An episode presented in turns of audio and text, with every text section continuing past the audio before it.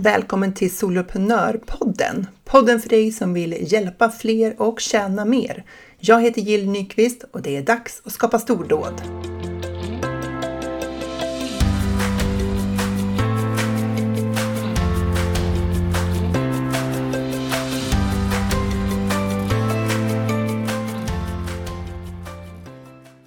Att jobba online innebär ju en massa skapande av innehåll till höger och vänster.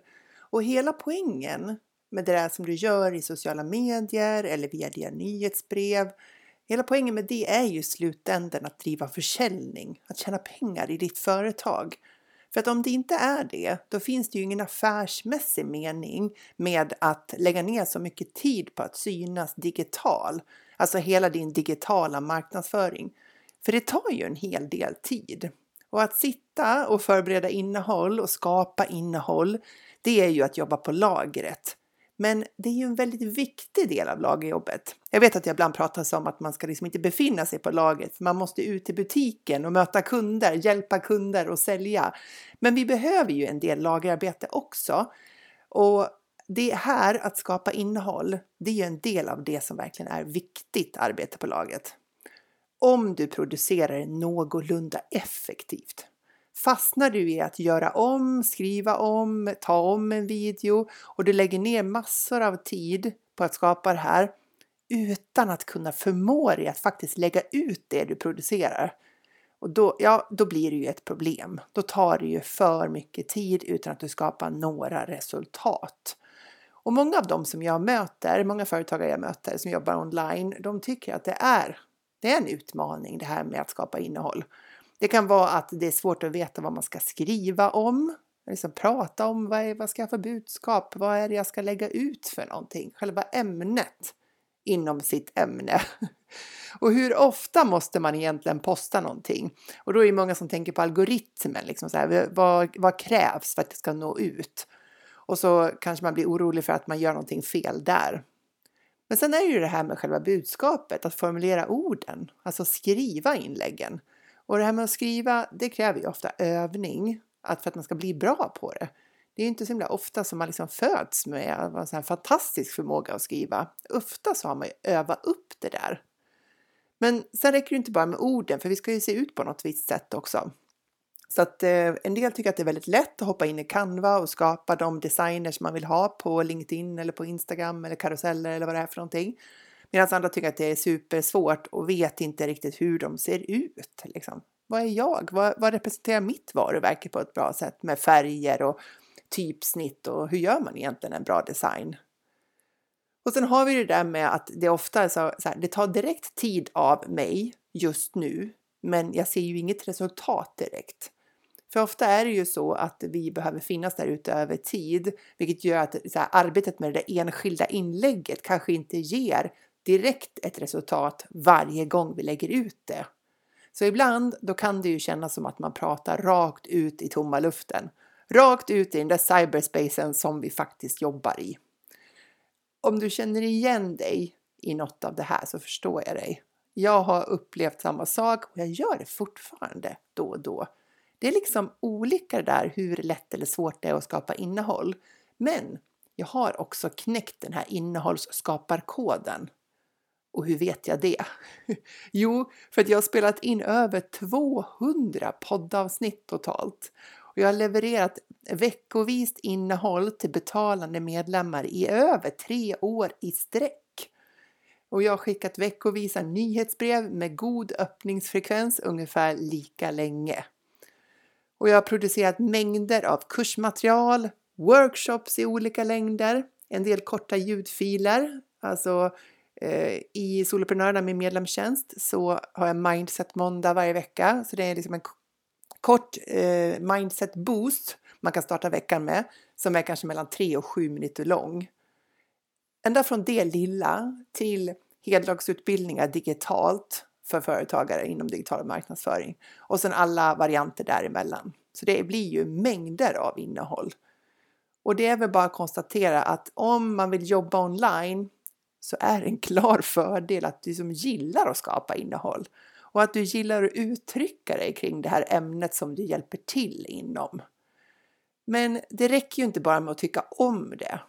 Man, du behöver bli bra på det också. Bemästra kost, konsten att skapa innehåll som förflyttar ditt folk från följare till betalande kunder. Och hur kommer du dit då? Ja, du, du övar. Tråkigt svar. Det, det, finns ingen väg runt det. Om du vill bli bättre på någonting så behöver vi göra det ofta och göra det medvetet. Det gäller egentligen allting vi tar oss för. Det vi gör många gånger blir vi ju bättre på.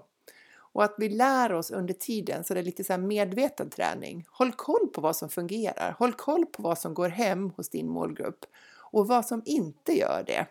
Vad som inte fungerar. Och ta inte det som ett kvitto på att du är dålig utan bara eh, ta det som information på vägen kring vad du ska göra mer av och vad du ska göra mindre av. För att jag ska kunna snurra runt allt innehåll som jag producerar i mitt företag Eh, så har jag hittat några hjälpsamma metoder för att göra det här på ett ganska effektivt sätt. För en del av de här sakerna som vi producerar innehåll till, det är ju till våra betalande kunder. Men en hel del av det där som vi skapar innehåll för är ju marknadsföring. Det vill säga ingenting som ger oss direkta intäkter där och då, utan som en investering i framtida försäljning. Och jag tänkte presentera tre, eh, tre perspektiv, tre eh, varianter som hjälper mig att producera innehåll effektivt. Så kanske det kan ge dig någon inspiration till vad du behöver för att producera ditt innehåll mer effektivt över tid. De tre hjälpsamma metoderna som jag tänkte prata om här, det är 1. Hämta inspiration löpande. Alltså fyll på din egen inspiration löpande. 2. Håll koll på helheten i ditt budskap. Själva innehållsmarknadsföringsstrategin, själva metoden för det här. Och nummer tre, Skapa förutsättningar för dig själv att få till det här innehållet. Så jag tänkte ta de här en och en. Vi börjar med det här med att eh, fylla på dig själv med inspiration. Det här är ju så viktigt för mig. Och säkert gör du mycket av det här redan nu som det är för att du jobbar förmodligen med det ämne som du är passionerad för, som du så här, älskar att lära dig mer av och gärna ta del av andras eh, tankar och idéer kring ditt ämnesområde. Så säkert gör du det här redan idag. Eh, men vi som jobbar med att hjälpa andra med vår kunskap, vi ger ju ut väldigt mycket. Det är liksom så mycket output från oss själva, både energi och kunskapsmässigt. Så vi behöver liksom få tillbaka en del av den här. Vi behöver lite input också. Fylla på oss själva på olika sätt. Eh, och ett sätt, det är ju det här med att få inspiration och påfyllnad från andra. Det finns ju så här eh, engelskt uttryck som heter food for thoughts, alltså mat och tanken. Eh, och det handlar inte om att, ja, men att kopiera från andra, utan att ta deras idéer och jämföra dem med våra egna erfarenheter och våra egna lärdomar. Och det här kan du göra Eh, på ett väldigt effektivt sätt om du när du tar del av andras material reflekterar över några frågor. Och jag tänkte att jag ska dela med mig av några frågor som jag brukar liksom ställa mig själv när jag läser eller lyssnar på andras kunskap. Vad är det du håller med om av det du tar del av? Vad är det som skaver, som känns lite så ah, vet inte riktigt. Och varför i så fall skaver det? Vad handlar det om? Eh, och vad är det som du faktiskt inte alls håller med om? Som du tänker så här tvärt emot? Det, är ju, det kan ju ge en himla dynamik att det finns någon som så här, påstår någonting och du har en erfarenhet som säger liksom tvärt emot och formulerar den. Vad handlar det om? Och vilka erfarenheter har du som går i linje med det här du tar till dig? Alltså någonting som bekräftar så här, och så här var det för mig också, eller känner igen det här, eller så här är det för mina kunder också. Och den sista, vilka associationer gör du till det du läser? Alltså vilka tankar kommer upp när du tar del av det här? Nu säger jag läser, eh, men det kan ju också vara så att du lyssnar på en podcast eller en ljudbok. Men jag gillar ju att läsa böcker, bland annat för att jag kan liksom då göra sådana här eh, kommentarer i marginalen till boken och stryka under sådana här partier i boken som ger mig någon ny tanke eller bekräftar någonting eller som jag inte håller med om. Och det är liksom lite lättare att göra det när man läser en bok för då får man det kvar där. Och jag går ofta tillbaka till böcker jag har läst. För att när jag sitter och funderar över ett något ämne och så kan jag få upp en sån här bild av att så här, det här läste jag någonting intressant kring i någon bok och så kommer jag ofta på vilken bok det är och då kan jag bläddra fram till det där om det är så att jag markerat det och skriver någonting i marginalen. Så gör jag väldigt ofta faktiskt. Eh, sen lyssnar jag ju mycket på podcast och det gör säkert du också. Och då behöver man ju stanna upp. Om du är som jag, så då lyssnar du på podcast medan du gör någonting annat. Så då behöver du stanna upp och skriva någonting i anteckningar i mobiltelefonen. Jag gör det när jag är ute och går och det är lite besvärligt. Men jag vet att om jag inte gör det så kommer jag inte att komma ihåg den där associationen eller den där tanken jag fick kring det där. Alltså det går inte. Jag har försökt så många gånger att tänka så här, ah, men det här kommer jag ihåg. Nej, det gör jag inte. Och det är så irriterande när man inte får tag på den där liksom, tanken, idén som kom upp där. Så jag försöker eh, liksom, ta, göra mig omaket att plocka upp mobilen när jag är ute på promenad och bara skriva några korta noteringar. Eh, det behöver inte vara fylligt utan det räcker oftast med att jag skriver upp någon mening eller sådär. Och sen kan jag gå tillbaka till mina anteckningar och hämta inspiration från dem när jag sätter igång och skapar någonting som jag håller på med. Eh, det fungerar ofta väldigt bra. Så det här med att fylla på sin inspiration, det handlar ju om att läsa böcker som intresserar dig, alltså som är ämnen som intresserar dig. Jag har nästan alltid en bok på gång. Eh, lyssna på podcast som, eh, som berikar, fyller på med inspiration, ger dig perspektiv på ditt ämne från olika håll. Eller kanske ljudböcker eh, om du inte tycker om att läsa eller inte tycker att du hittar tiden i vardagen att läsa så är ju ljudböcker bra. Och jag tänker att liksom hela klon med det här med att ta till sig, alltså läsa böcker med andras tankar, väldigt ofta välpaketerade och väl organiserad kunskap som man får i en bok. Eh, det är ju att du reflekterar över vad är dina tankar om det här innehållet. Och det är där jag, som jag ställer mig de här frågorna. Vad är det jag håller med om? Vad skaver? Varför skaver det? Vad håller jag inte med om? Vilka erfarenheter har jag som går i linje med det här som jag läser och vilka associationer kommer upp för mig? Alltså vilka tankar kommer upp när jag läser det här? Det, liksom, ha det med sig när du tar del av andras. Det ger dig mängder av innehållsidéer. Ett annat sätt att hämta inspiration det är att samla på berättelser från din egen vardag. Alltså samla på dina egna stories. Det kan vara eh, små händelser som, som du kan använda som ett exempel för någon del av ditt företagande. Jag har ju mängder av sådana här små sanna berättelser från min vardag som jag har använt löpande över tid för att tydliggöra vissa poänger. Och du har säkert hört flera av dem här i podden. Till exempel första gången jag skulle säga mitt nya höga pris på en föreläsning och det slutade med att jag sa halva det priset apropå det här med obehag kring sälj och prissättning och hur vi behöver öva för att komma över det. Eller den där gången jag och min kollega höll en livesändning utan ljud. Vi pratade 20 minuter innan någon skriver då på Facebook och berättar att ja, ni ser bra ut, men ni hörs inte. Apropå det här med missöden när man går live, att allting kan hända då. Eller första gången jag skulle göra en livesändning och var så nervös att jag trodde jag skulle dö och jag satte mig i en väldigt besvärlig situation jag gick ut i skogen med hundar och skulle köra live med två hundar i koppel, en fusklapp och en mobiltelefon som jag skulle använda för livesändningen. Eh, och ja, på något sätt så gjorde jag ju det där i alla fall och överlevde. Apropå att ta sig utanför sin komfortzon. Det går ganska enkelt att samla på den här typen av små berättelser när du gör det medvetet. Det är som att ha någon form av radar eh, på, påslagen där du noterar vad som händer. Alltså inte så att du behöver gå runt och tänka på det aktivt hela tiden, utan mer som att det sker liksom mer automatiskt när du har varit, haft det här med dig över tid. Och då kan du skriva ner korta noteringar i mobilen eller i din skrivbok så att du kommer ihåg händelsen och kanske också varför den är viktig. Alltså vad var, vad, vad var tanken med att du ville samla på just den här berättelsen? Och det behöver bara vara kort beskrivet. Det handlar bara om att du ska kunna gå tillbaka och bli påmind om att det där hände. Och sen kan du utveckla hela resonemanget senare.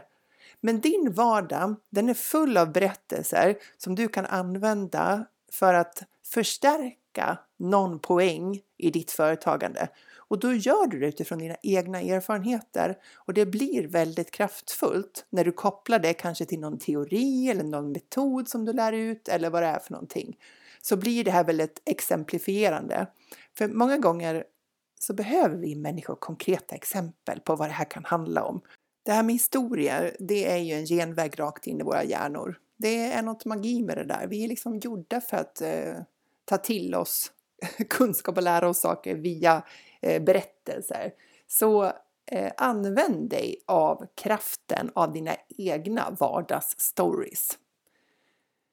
Ett annat sätt att liksom hämta inspiration, det är den inspiration du kan få från dina kunder och från dina följare. Vad är det som är ett problem för dina kunder just nu? Vad är det de kämpar med? Vad säger de till dig i coachningar, en och en eller gruppcoachningar eller i livesändningar? Vad får du för kommentarer? Vad är det de lyfter upp att de kämpar med och vad har de för frågor? För om du fastnar i att inte veta vad du själv borde lägga ut, liksom, och så att det känns liksom som att det tar lite stopp, flytta fokus från dig själv och tänk på din kund. Var befinner sig hon eller han just nu? Givet vad som händer kanske i omvärlden, vad som, händer i vad som kan tänkas hända i familjen eller på jobbet eller vad som händer inom henne själv. Vad är det hon behöver höra från dig? För ibland när vi går vilse i oss själva och allting känns lite så här tungt eller svårt så kan det vara otroligt hjälpsamt att vi lämnar oss själva för en stund och fokusera på eh, den som vi faktiskt driver företag för att hjälpa den där kunden där ute som väntar att höra från liksom, ditt budskap eh, från dig på just det sättet som du beskriver det på. Det finns någon där ute som behöver höra det du ska säga precis på det sättet som du säger det på. Och det finns bara en person som faktiskt uttrycker sig precis som du gör när du hittar din unika röst. Så att utgå från din kund eh, när du ska hämta inspiration är ett hjälpsamt perspektiv. Så påfyllnad kan alltså ske genom att du reflekterar över dina egna tankar och idéer och associationer när du tar del av böcker, poddar, ljudböcker och annat innehåll. Det kan ske genom att du samlar på dina vardagsberättelser som visar på någonting viktigt, att du vill visa på någon form av konkret eh, handling i förhållande till den teori eller metod som du lär ut. Och du kan hämta inspiration från kunder som du hjälper eller följare som du möter. Så det var nummer ett. Det här använder jag mig jättemycket av i min vardag. Nummer två. Tänk på helheten, alltså din innehållsmodell. Jag är ju som mest kreativ när jag har en struktur att jobba utifrån. Eh, och det, jag är ju väldigt struktur och metodig. Så därför har jag ju skapat en variant av, en, en, av den här tänkt, som jag tänkte berätta kort, kort här om. En övergripande modell som jag använder när jag skapar innehåll.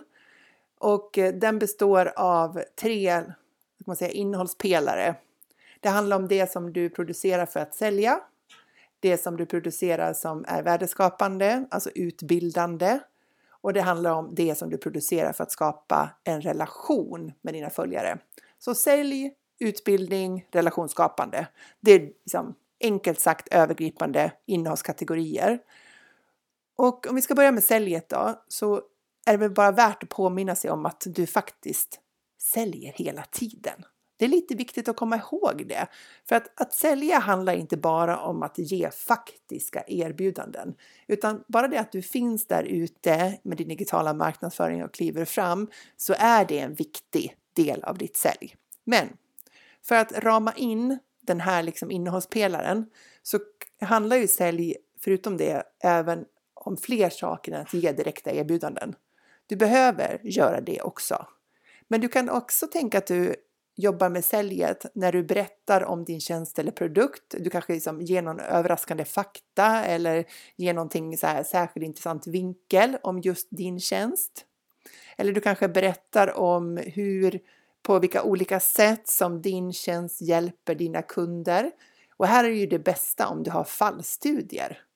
Det är skillnad på fallstudier och testimonials. Så fallstudier, det är en kund som säger hade det här problemet, hade kämpat med det, eh, tog del av din kunskap på något sätt, din tjänst och har nu fått ett nytt resultat. Så en fallstudie beskriver ju en förflyttningsresa hos en kund. Medan en testimonial mer handlar om att en kund ger dig en referens för hur, hur bra du är att arbeta tillsammans med. Så, och båda de två varianterna är ju värda att lyfta i ditt innehåll på olika sätt. Så att sälja, det kan göras genom att ge direkta erbjudanden så här, boka mig här, köp här, en riktig call to action på det viset. Så glöm inte den delen, den är viktig också i din innehållsstrategi. Men det finns många andra saker som du kan prata om dina tjänster och sätta in dem i ett sammanhang än bara direkta erbjudanden. Och fallstudier från kunder är guld värt. Nummer två då, värdeskapande, alltså utbildande. Ja, det här är ju det som vi, de flesta av oss gör. Liksom. Vi inspirerar och utbildar inom de områden som vi hjälper till med. Och det här vet jag att en del tycker att det är svårt att veta vad det är de ska lyfta fram i, i sitt, eh, sin digitala marknadsföring. Och jag tänker att allting som tar din kund från det problematiska nuläget som hon eller han befinner sig i nu till det fantastiska nyläget som de vill ta sig till. Allt däremellan är intressant. Och nu såg jag framför mig en linje med start och stopp. så att de tänker sig att de har vissa utmaningar idag, det du har beskrivit liksom, som du vet att de står inför och så vill de lösa det problemet inom det området eller den nischen du hjälper till med.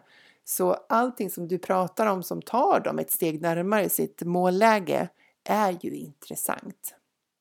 Sen kan du fundera på om du i just det här inlägget pratar till de som är nybörjare inom ditt område eller de som är mer rutinerade. För oavsett vilken nisch vi jobbar i så brukar det oftast finnas liksom de som man tänker sig har precis börjat. Om vi säger att du hjälper dem att skapa en fantastisk och fin prunkande trädgård så finns det nybörjare trädgårdsodlare och så finns det de som är mer rutinerade. Och då kan ju ditt innehåll möta upp de som är i nybörjarfasen eller det kan möta upp de som är liksom lite mer rutinerade. Så det är också en dimension av utbildning som du kan ha med dig. Vad behöver dina nybörjare eh, höra idag? Eller vad behöver de som är lite mer rutinerade höra idag? Så du kanske vill växla mellan att adressera olika ämnen utifrån dina följares olika, ja men kalla det utvecklingsstadier då, eller utvecklingsfaser. Och du kan formulera ett antal övergripande perspektiv eller teser som är sant för dig och som hjälper dig att rama in vad du hjälper till med och vad dina kunder behöver göra för att skapa resultat. Vilken är den metod du använder för att hjälpa dem att komma till ett läge där de har löst sitt problem? Och varför använder du just den metoden? Om jag ska ta ett praktiskt exempel då. Vi säger att du jobbar med att hjälpa människor att minska sin stress och få till mer återhämtning i vardagen genom yoga. Då är det yoga din metod för att åstadkomma det här. Och det finns jättemånga alternativ till att minska, alltså att komma till samma mål. Man kan ju minska sin stress och få in mer återhämtning i sin vardag på många olika sätt. Det skulle vara så här, i det här exemplet då, då är det yoga. Men det skulle kunna vara skogspromenader, det skulle kunna vara minska stress genom medicin, genom terapi, genom löprundor. Alltså det finns en massa eh, metoder för att minska sin stress. Och du har valt just yoga då. Varför har du valt just den metoden? Prata om det i ditt innehåll. Utbilda dem i varför de ska eh, ha anledning att eh, använda just den här metoden. Så skapa innehåll som backar upp ditt val av metod. Och det här är en jätteviktig del av säljet. För att om de ska våga köpa av dig, då behöver de ju tro på att metoden yoga faktiskt hjälper dem med de här sakerna. Faktiskt åstadkommer det här. Och du kanske har statistik och du har fallstudier och du har forskningsexempel och alla möjliga saker som backar upp att yoga är väldigt bra för att minska stress. Jätteviktig del i din utbildande utbildningspelare av din innehållsstrategi. Den sista jag tänkte ta upp här då, relationsskapande. Det handlar ju om att låta dina följare ta del av din, av, av dig. Alltså lära känna dig mer. Så visa vem du är. Bjud på foton från din vardag. Berätta om vilka värderingar du har eller kanske visa hur du lever dina värderingar. Berätta om din egen resa på ett sådant sätt så att det också blir en berättelse om din kund. Jag tänker att de bästa presentationerna av oss själva, tycker jag, det är de som samtidigt blir en berättelse om kunden.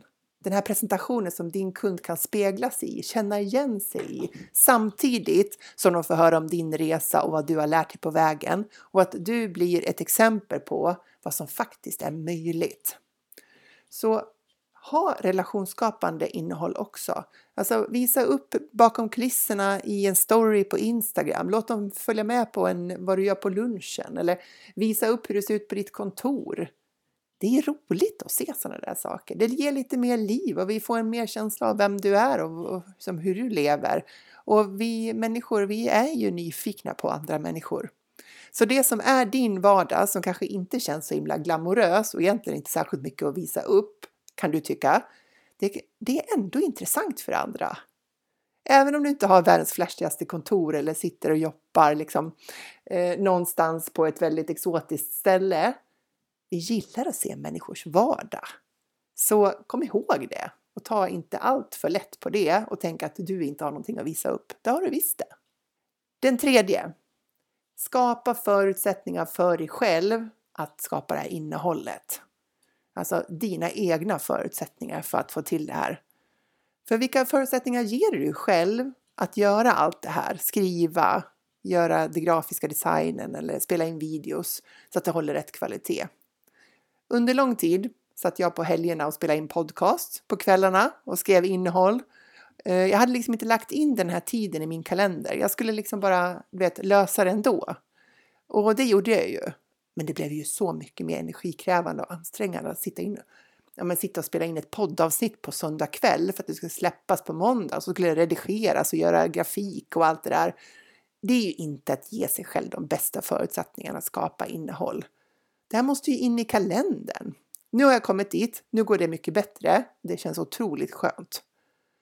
Men vad behöver du för att skapa innehåll på ett vettigt sätt? Är det det att du behöver avsatt tid i din kalender? Du behöver blocka tid för det här. Är det att du behöver gå en promenad liksom, för att få det här utrymmet i hjärnan och tänka lite större, lite friare och associera och komma på saker? Eller är det att sänka kraven på hur du ska se ut på en bild om du ska ta någon sån här äh, behind the scenes grej? Eller kanske sänka kraven för hur det grafiska ser ut? Att det kanske inte är superviktigt på millimetern hit eller dit om den där cirkeln hamnar lite till höger eller vänster. Eller behöver du ta hjälp med någon del av den här processen? Jag har tagit hjälp nu med att redigera och klippa och publicera den här podcasten till exempel. Fantastiskt skönt och ger mig lite utrymme att göra andra saker. Eller behöver du släppa kraven på perfektion i dina texter? Alltså många av de texter som jag har fått bäst respons på, alltså mest engagemang, det har varit de som jag har skrivit utifrån en ingivelse i stunden. Så här fem minuters skrivande, liksom direkt från hjärnan på liksom uppstuds. Och det har givit så mängder av kommentarer och engagemang. Och när jag går tillbaka och läser, alltså ofta är det så, när jag går tillbaka och läser mina inlägg så ser jag att jag många gånger har hoppat över något litet ord så att meningen inte blir korrekt. Jag är som expert på att så här glömma bort att skriva något ord, typ på eller att eller något sånt där. så det blir liksom inte en riktig mening. Men var det någon som brydde sig om det? Ja, kanske men förmodligen inte i någon särskilt större, så här stor utsträckning. För det var troligen inte särskilt viktigt för dem heller. Så kanske behöver du släppa tanken på perfektion och tycka att det är okej, okay, att det är good enough. Eller så behövde du som jag det här året lite fria ytor, alltså mer luft för att när vardagen är väldigt chokad, när man är väldigt bokad och upp, liksom, allting går i ett, då då skapas inte de här liksom associationsprocesserna i våra huvuden. Det, det tar liksom stopp och vi blir lite låsta och styrda och har svårt att komma loss Eh, och vara kreativ i vårt tänkande. Eh, så kanske det är fria ytor du behöver. Eller en struktur kanske att jobba utifrån. Det tycker jag är väldigt hjälpsamt. Eh, att ha vissa gränser som jag kan vara kreativ inom. Eller behöver du ha tid för det som var det här första här, att ta in innehåll eftersom du ger ut så mycket innehåll. Alltså att fylla på inspirationen. Eller handlar det om tid för att reflektera medvetet och skriva ner det du kommer på? Ja, vad är det du behöver för bra förutsättningar för dig själv för att skapa innehåll? Och de tre viktigaste du kommer på som är viktiga för dig för att du ska liksom få till det här på ett bra sätt. Har du dem? Har du givit dig själv de tre viktigaste förutsättningarna? Fundera över vilka de är, om de faktiskt finns i ditt arbetsliv. Så det var de här tre områdena som har hjälpt mig att producera mängder av innehåll år efter år. 1. Hämta inspiration löpande. Kom ihåg att all din output behöver input. Du ger ut en massa, du måste fylla på en massa. Att vi behöver både konsumtion och sen också produktion. 2. Hålla koll på helheten i ditt budskap. Se till att du får till det som handlar om rent säljdrivande aktiviteter, se till att du handlar om utbildande aktiviteter och se till att det handlar om relationsskapande aktiviteter i ditt innehåll. Så har du en bra utgångspunkt för att flytta dina eh, folket du möter i sociala medier från följare till betalande kunder. Det finns många olika typer av innehållsmodeller eh, eller innehållsproduktionsmodeller, strategier. Eh, ta den här som jag har pratat om här eller välj någon annan som passar dig bättre. Men ibland kan eh, själva strukturen vara hjälpsam. Och poängen är väl här bara att komma ihåg att inte bara inspirera. Fastna inte bara att inspirera och utbilda utan se till att din totala eh, digitala marknadsföringsstrategi leder mot försäljning. Och nummer tre, skapa förutsättningar för dig själv att få till det innehållet så att det faktiskt fungerar för dig. Vad är det du behöver ha för typ av vardag för att det här ska gå så enkelt som möjligt? För det är en hel del du behöver producera över tid. Jag hoppas att det här, de här tre sätten kan hjälpa dig att skapa det innehåll som du behöver som tar dig mot dina stordåd.